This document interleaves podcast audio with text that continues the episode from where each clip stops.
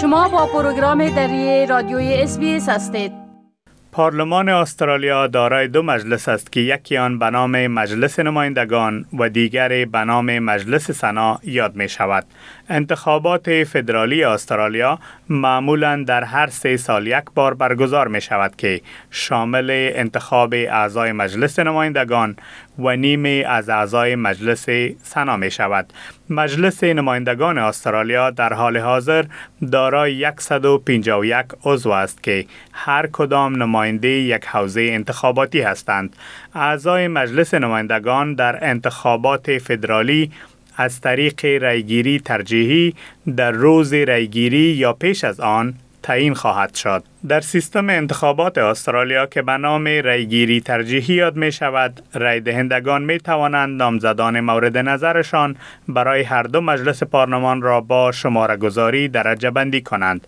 ایوان اکن سمیت از کمیسیون انتخابات استرالیا می گوید که در برگه سبز رایدهی مجلس نمایندگان رای دهندگان باید از نامزد که بیشتر مورد علاقه است تا نامزد کمتر مورد علاقه خود شماره گذاری کنند و این بسیار مهم است بنابراین دستورالعمل های روی برگه رایدهی را دنبال کنید و واقعا به ترتیب فکر کنید که می خواهید نامزدها را در آن قرار دهید On the green ballot paper, you've got to number all the boxes from your most favourite candidate to your least favourite candidate. And that's really important. So follow the instructions on the ballot paper, number all your boxes, and really think about the order. آقای اسمیت می‌گوید که در سراسر استرالیا 151 حوزه انتخاباتی وجود دارد که از هر حوزه یک عضو انتخاب خواهد شد و صدر استرالیا زمان انتخاب می شود که اعضای یک حزب سیاسی به یک رهبر رای دهند و آن رهبر پس از انتخابات با موفقیت حکومت تشکیل دهد. دکتر پیتر چن در پوهنتون سیدنی سیاست تدریس می کند. او می گوید که بر اساس انتخابات گذشته برای احزاب کوچکتر سختتر است تا برنده کرسی ها در پارلمان شوند.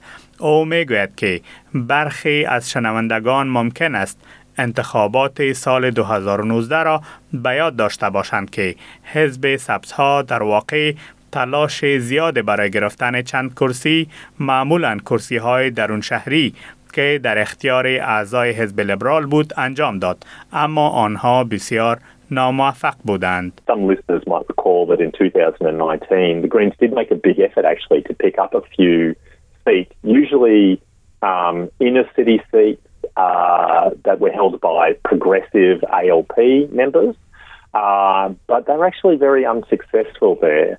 دکتر نظیر داور کارشناس حقوقی در ایالت نیو ساوت ولز می گوید که در تعیین حکومت تنها مجلس نمایندگان تصمیم می گیرد و هر حزب که اکثریت را داشته باشد آن حزب حکومت را تشکیل می دهد و به خاطر ادامه حکومت نیاز است تا حزب حاکم همیشه اکثریت را در مجلس نمایندگان داشته باشد.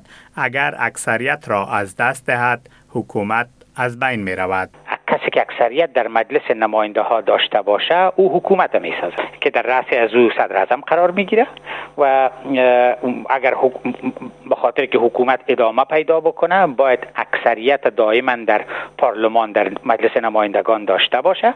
اگر اکثریت از دست بده حکومت از بین میره و یا که باید در ائتلاف با کسی دیگر بیاید. افراد منتخب برای مجلس نمایندگان به عنوان اعضای پارلمان شناخته می شوند قوه مقننه یا پارلمان استرالیا یک نهاد عالی دولتی است که مسئولیت و صلاحیت تصویب قوانین، نمایندگی ملت، تشکیل حکومت و نظارت بر اعمال حکومت را بر عهده دارد.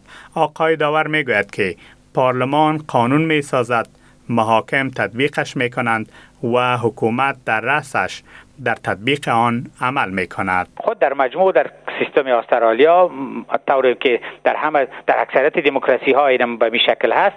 ما قوه پارلمانی داریم قوه قضایه داریم در پهلویش قوه اجرایه داریم. پارلمان ماست که قانون می سازه محاکم است که تطبیقش می‌کنه حکومت در رأسش در, در تطبیق از او عملی می‌کنه.